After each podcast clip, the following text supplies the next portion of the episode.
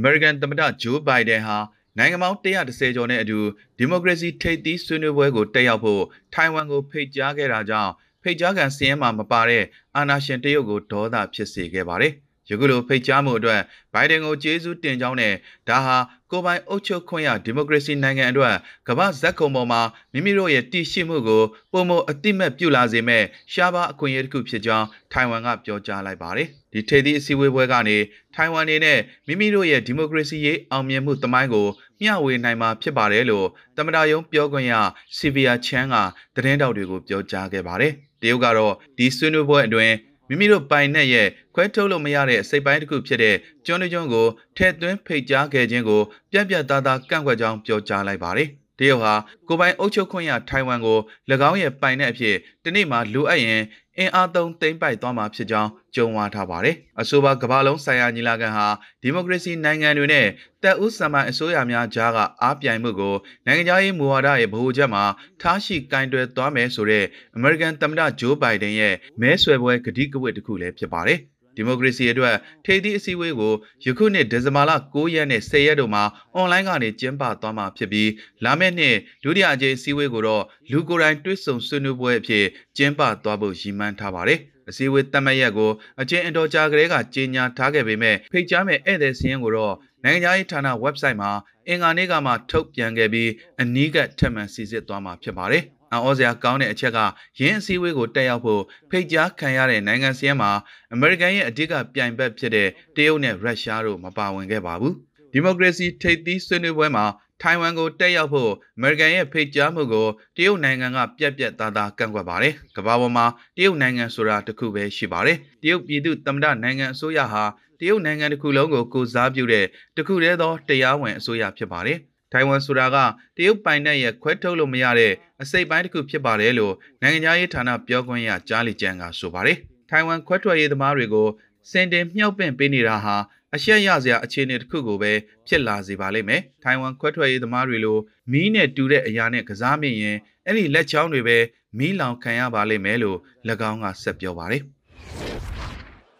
ပြီးခဲ့တဲ့သတင်းပတ်အတွင်းကရောက်ရှိလာခဲ့တဲ့ American နယ်စပ်သို့ပြောင်းရွှေ့နေထိုင်သူ2500ကိုလူသားချင်းစာနာထောက်ထားမှုဆိုင်ရာအကြောင်းပြချက်နဲ့ယာယီနေထိုင်ခွင့်ပြုလိုက်ကြောင်းမက္ကဆီကိုရဲ့လူဝင်မှုကြီးကြပ်ရေးအာဏာပိုင်တွေကနိုဝင်ဘာလ23ရက်အင်္ဂါနေ့ကပြောကြားလိုက်ပါတယ်။ရွှေ့ပြောင်းနေထိုင်သူများကို နိုင်ငံတော်ဝန်မှာရှိတဲ့ပြည်내10ခုစီကိုပြောင်းရွှေ့နေရာချထားသွားမှာဖြစ်ကြောင်းပြောင်းရွှေ့နေထိုင်သူများဆိုင်ရာအမျိုးသား Institute ရဲ့တာဝန်ရှိသူဟက်တာမာတီနက်ကက်စတူရာကချီယာဘက်ပြည်နယ်တောင်ပိုင်းရှိယာယီဒုက္ခသည်စခန်းရဲ့ကိုယ်စားလှယ်တွေနဲ့ဆွေးနွေးအပြီးမှာပြောကြားလိုက်ပါတယ်။သူတို့ကိုယာယီနေထိုင်ခွင့်အပြင်အလုတ်လောက်ကင်ခွင့်ကတ်တွေကိုပါထုတ်ပေးသွားမှာဖြစ်တယ်လို့သတင်းတောက်တွေကိုပြောကြားခဲ့ပြီးကနဦးပါမစ်တစ်နှစ်ဖြစ်ကြောင်းနဲ့တက်တန်းတိုးနိုင်ကြောင်းသတင်းတောက်တွေကို၎င်းကပြောကြားခဲ့ပါတယ်။ အာဏာပိုင်တို့ကတော့၎င်းတို့ကိုဘက်စကားတွေနဲ့တင်ပြီးမက္ကဆီကိုအလဲပိုင်းတောင်ပိုင်းနဲ့အနောက်ပိုင်းဒေသတွေကိုစတင်ပြောင်းရွှေ့ပေးနေပါတယ်။အော်တိုဘာလ23ရက်နေ့မှာတက်ပက်ချူလာမြို့တောင်ပိုင်းကနေချေလျန်ထွက်ခွာသွားတဲ့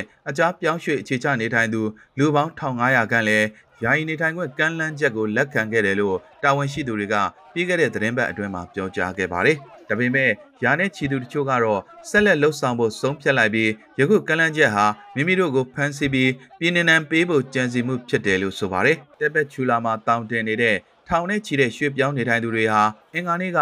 အဝေးပြေးလမ်းမကြီးကိုပိတ်ဆို့ပြီးလူဝင်မှုကြီးကြပ်ရေးအာဏာပိုင်တွေဟာ၎င်းတို့အတွက် ပါမစ်မပေးခဲ့ကြောင်းဆန္ဒပြခဲ့ကြပါတယ်။ရွှေပြောင်းနေထိုင်သူတွေအပေါ်လူသားဆန်တဲ့ချင်းကက်ကင်တွယ်မှုတွေပုံမလှုပ်ဆောင်ဖို့ကြိပေးထားတဲ့ဂျိုးဘိုင်ဒန်သမ္မတဖြစ်လာချိန်မှာစင်းရဲမွဲတေမှုနဲ့အကြမ်းဖက်မှုတွေကနေထွက်ပြေးလာတဲ့အထောက်ထားမဲ့နိုင်ငံသားအရေးအတွက်ကိုပုံမတိုးပွားလာစေခဲ့ပါတယ်။ American ပြည်ထောင်စုဟာ2020ခုနှစ်အောက်တိုဘာလကနေ2021ခုနှစ်စက်တင်ဘာလအတွင်းမက္ကဆီကိုက တရားမဝင်ရွှေ့ပြောင်းနေထိုင်သူ1.8တန်းကိုမှတ်ပုံတင်ပေးခဲ့ပြီးဒီပမာဏဟာကာလတစ်လျှောက်မှာအမြင့်ဆုံးဖြစ်ပါတယ်။မက္ကဆီကိုမှာဒီနှစ် January လကနေစက်တင်ဘာလအတွင်းပုံမှန်မဟုတ်တဲ့ရွှေ့ပြောင်းနေထိုင်သူတသိန်း9000ကျော်ကိုအာဏာပိုင်တွေကရှာဖွေတွေ့ရှိခဲ့ပြီးဒါဟာ2020ခုနှစ်ကထက်3ဆပိုမိုများပြားလာခဲ့တာဖြစ်ပါတယ်။အဲ့ဒီထဲက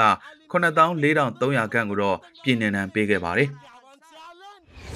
လေဘနွန်ရဲ့ Hezbollah အဖွဲ့ကိုတစ္ဆာခံတဲ့ တတိုက်ခိုက်ရေးသမားများအခြေစိုက်ရာဆီးရီးယားနိုင်ငံဒစိမ့်တစ်ပိုင်းကိုပြစ်မှတ်ထားတဲ့နိုဝင်ဘာလ24ရက်ဗိုလ်ရူးနေ့အစ္စရေးရဲ့တိုက်ခိုက်မှုကြောင့်ရဲသား2ဦးအပါအဝင်4ဦးသေဆုံးခဲ့ကြောင်းစောင့်ကြည့်လေ့လာသူတို့ကပြောကြားခဲ့ပါတယ်။ပြည်ထောင်အခြေဆိုင်ဆီးရီးယားလူအခွင့်အရေးစောင့်ကြည့်လေ့လာရေးအဖွဲ့ရဲ့အားထားရတဲ့မြေပြင်သတင်းရင်းမြစ်များအရာဟွန်ပြည်နယ်အနောက်ဘက်ရှိရွာ၃ရွာအနီးကိုအစ္စရေးကဒုံးကျည်တွေနဲ့ပစ်ခတ်ခဲ့ကြောင်းသိရှိရပါတယ်။ ဆိုပါတိုက်ခိုက်မှုအတွင်းရဲသား2ဦးအပါအဝင်4ဦးသေဆုံးခဲ့ကြောင်းစစ်ရေးအကဲခတ်အဖွဲ့ကပြောကြားခဲ့ပေမဲ့ကြံသေဆုံးသူ2ဦးကိုတော့အရက်သားလားစစ်သားလားဆိုတာတေချာမသိရဘူးလို့ဆိုပါတယ်။ဗိုလ်ရူးနေ့အာယုန်တက်ချိန်မှာပြုလုပ်ခဲ့တဲ့ဆိုပါတိုက်ခိုက်မှုအတွင်းအရက်သားနှုတ်သေဆုံးပြီးခုနှစ်ဦးဒဏ်ရာရရှိခဲ့တယ်လို့စစ်ဖက်အရာရှိတဦးကိုကိုးကားပြီးစီးရီးယားနိုင်ငံပိုင်းသတင်းဌာနစာနာကဖော်ပြခဲ့ပါတယ်။ ဆိုပါတိုက်ခိုက်မှုကိုနိုင်ငံအလဲပိုင်းရှိတီနီယာတွေကိုပြစ်မှတ်ထားတိုက်ခိုက်ခဲ့ခြင်းဖြစ်ပြီးတီနီယာအသေးစိတ်ကိုဖော်ပြထားခြင်းမရှိပါဘူး။စီးရီးယားရဲ့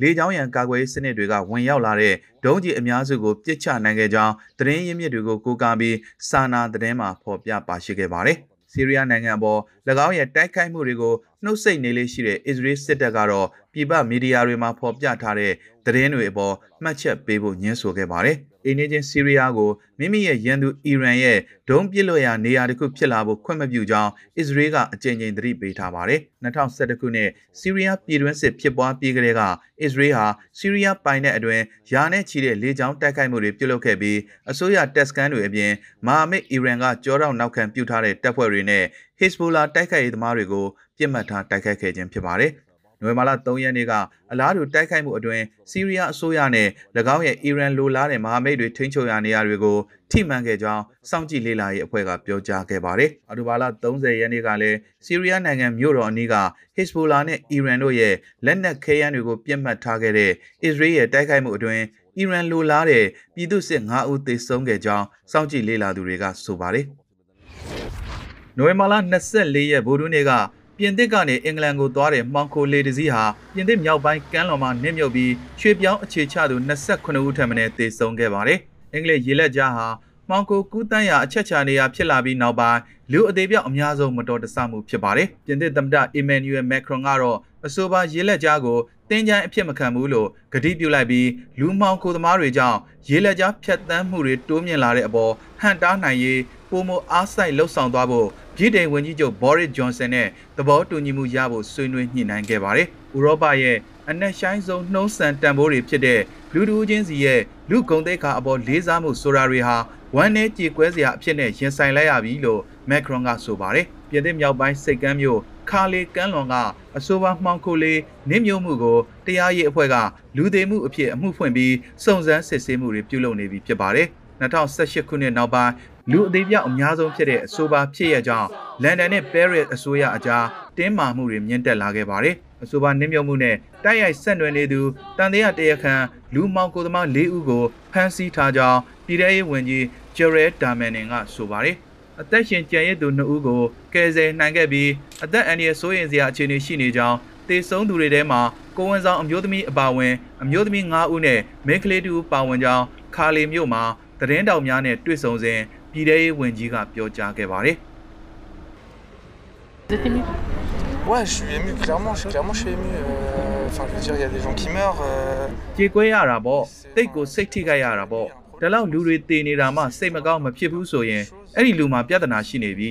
ပစ္စည်းဥစ္စာဆုံးရှုံးရင်တော့ဥပန်ရသေးတာပဲအခုကလူအသက်တွေလေတိတ်ကိုထိခိုက်ခံစားရပါတယ်လို့အသက်32နှစ်အရွယ်ခါလီမျိုးကန်ဟူဂိုအာဟီယွန်ကဆိုပါတယ် Enfin, c'est c'est grave quoi. Enfin, voilà. Et ça- moi, ça me met en colère. C'est တိတ်ဆိုးတဲ့အဖြစ်ပဲအင်မတန်ဒေါသထွက်ရတယ်ဒါကတာမန်ဖြစ်ရိုးဖြစ်စဉ်မဟုတ်ဘူးကျွန်တော်တို့ဒီနေ့ရင်ဆိုင်နေရတဲ့နိုင်ငံရေးအခြေအနေအရဒါကသွေးရိုးသားရိုးမဟုတ်ဘူး ကျွန်တော်အရန်ဒေါသထွက်တယ်လို့ခါလီမျိုးကန်မဲဒီဒင်ဘရီကဆိုပါတယ် c'est pas normal.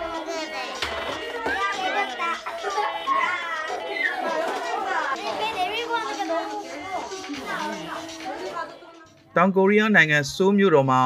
သူငယ်တန်းတွေအတွက်တင်ထောက်ကူအဖြစ် ပိုင်းပလင်းအရွယ်ဆက်ရုပ်ကိုကနဦးစီမံကိန်းအဖြစ်စမ်းသပ်နေပြီဖြစ်ကြောင်းမြို့တော်အစိုးရကပြောကြားလိုက်ပြီးဒီစီမံကိန်းဟာအစစ်မြင့်နီးပညာအနာဂတ်အတွက်နောက်မျိုးဆက်ကိုပြင်ဆင်ပေးနေတာဖြစ်တယ်လို့ဆိုပါတယ်။ Alpha Mini လို့အမည်ပေးထားတဲ့အဆိုပါဆက်ရုပ်ဟာ24.5 cm အမြင့်ရှိပြီးကတာတချင်းတိုင်ပေးတာပုံပြင်ဖက်ပြတာအပြင်ကွန်ဖူးတိုင်းခွက်တွေကိုသင်ပေးနိုင်တယ်လို့ခြေတစ်ပေါင်ကျိုးမတ်တက်ရက်တာကလေးတွေအတူခိုးပြီးလိုက်လုံနိုင်အောင်ဒိုက်ထိုးပြတာတွေထိလှုပ်ဆောင်နိုင်စွမ်းရှိပါတယ်။ အဆိုပါဆက်ရုပ်ဟာမျက်စိတစ်ဖက်မှိတ်ပြတာမျက်တောင်ခတ်တာတွေလုပ်နိုင်ပြီးစက်သွဲစကားပြောနေစဉ်မှာသူ့တငယ်အိမ်ကအသေးပုံလေးဖြစ်လာပါတယ်။၎င်းရဲ့အုတ်ထုပ်ပေါ်ကကင်မရာနဲ့ဓာတ်ပုံရိုက်ပြီး tablet စီကိုချက်ချင်းပေးပို့နိုင်ပါတယ်။အဆိုပါဆက်ရုပ်တွေကိုစိုးမျိုးကမူကြိုကျောင်းနဲ့နေကလေးတင်းကျောင်း300မှာစမ်းသပ်နေပြီးဒီအစီအစဉ်ကအသက်3နှစ်ကနေ9နှစ်အရွယ်ကလေးတွေအတွက်သာတင့်တော်တယ်လို့မြို့တော်အစိုးရကဆိုပါတယ်။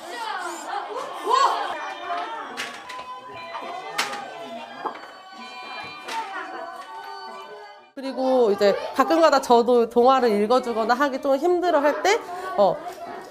ပုံမြင်တိုင်းကိုဖတ်ပြဖို့အခက်အခဲရှိနေခြင်းမျိုးမှာဒီစက်ရုပ်လေးတွေကတိတ်ကိုအထောက်အကူဖြစ်ပါတယ်။သူတို့ကနားထောင်ခြင်းစပွဲဖြစ်အောင်အတန်းတွေအတန်းသားအမျိုးမျိုးပြောင်းပြီးပုံမြင်တွေကိုဖတ်ပြနိုင်တယ်လို့အသက်28နှစ်အရွယ်ဆီယာမဘျွန်ဆူယွန်းကဆိုပါတယ်။ဒီစက်ရုပ်တွေကကလေးတွေရဲ့ဖန်တီးမှုတွေကိုကူညီပေးတယ်။ကလေးတွေကသူတို့ကိုခိုင်းစေပြီးကစားကုံစားလှုပ်ရှားမှုတွေမှာပါဝင်စေတာမျိုးပေါ့လို့ဆီယာမဘျွန်ဆူယွန်းကဆက်ပြောပါတယ်။ 노래 부르라고 하는 노래도 잘 부르고 음, တချင်းဆိုခိုင်းရင်လဲသူကတချင်းဆိုပြတယ်ကခိုင်းရင်လဲကျမတို့နဲ့အတူလိုက်ကတာပဲကျမလှုပ်ပေးထားတဲ့ခုံပေါ်မှာသူ့ကိုထိုင်ခိုင်းလို့လဲရတယ်လို့အသက်9နှစ်အရွယ်လီဂါယွန်းကဆိုပါတယ်စိတ်ရုပ်တွေနဲ့ဆော့ရတာကျမပြောပါတယ်လို့သူကဆက်ပြောပါတယ် 꿈꿔 보는 거랑 노래하는 거 좋아해요. စိတ်ရုပ်လေးက ကွန်ဖူးတန်းကွက်နင်းပြီးတချင်းဆိုပြတာကိုကျွန်တော်သိကြိုက်တယ်ပျော်စရာကြီးလို့အသက်၄နှစ်အရွယ်ဂျမ်မင်ဆွန်ကဆိုပါတယ် 그 60개 어린이집을 1개월씩 했습니다. 그러니까 8월 9일 လစဉ်လာတိုင်းမူဂျိုကျောင်း60ကိုဒီစက်ရုပ်တွေငှားပေးပါတယ်။အော်တိုဘာလကနေအခုထိ တလတာငှားပေးခဲ့တဲ့ကြောင်းပေါင်း240ရှိသွားပါပြီလို့စိုးမျိုးတော်ကလေးစောက်ရှောက်ရဲ့အဖွဲ့ခေါင်းဆောင်ဟန်တောင်စွန်းကဆိုပါတယ်။ဒီစက်ရုပ်တွေကိုဆရာဆရာမတွေနေရာမှာအစားထိုးနိုင်မယ်လို့ကျွန်တော်မထင်ပါဘူး။ထောက်ကူပေးရုံလောက်ပဲသူတို့တတ်နိုင်မှာပါ။ဒီနှစ်စမ်းသပ်မှုပြီးရင်နောက်နှစ်မှာလည်း program တစ်ခုဆက်လုပ်မယ်။စက်ရုပ်ရဲ့အခန်းကဏ္ဍကိုဖွံ့ဖြိုးအောင်လုပ်နိုင်မှာပါလို့သူကဆက်ပြောပါတယ်။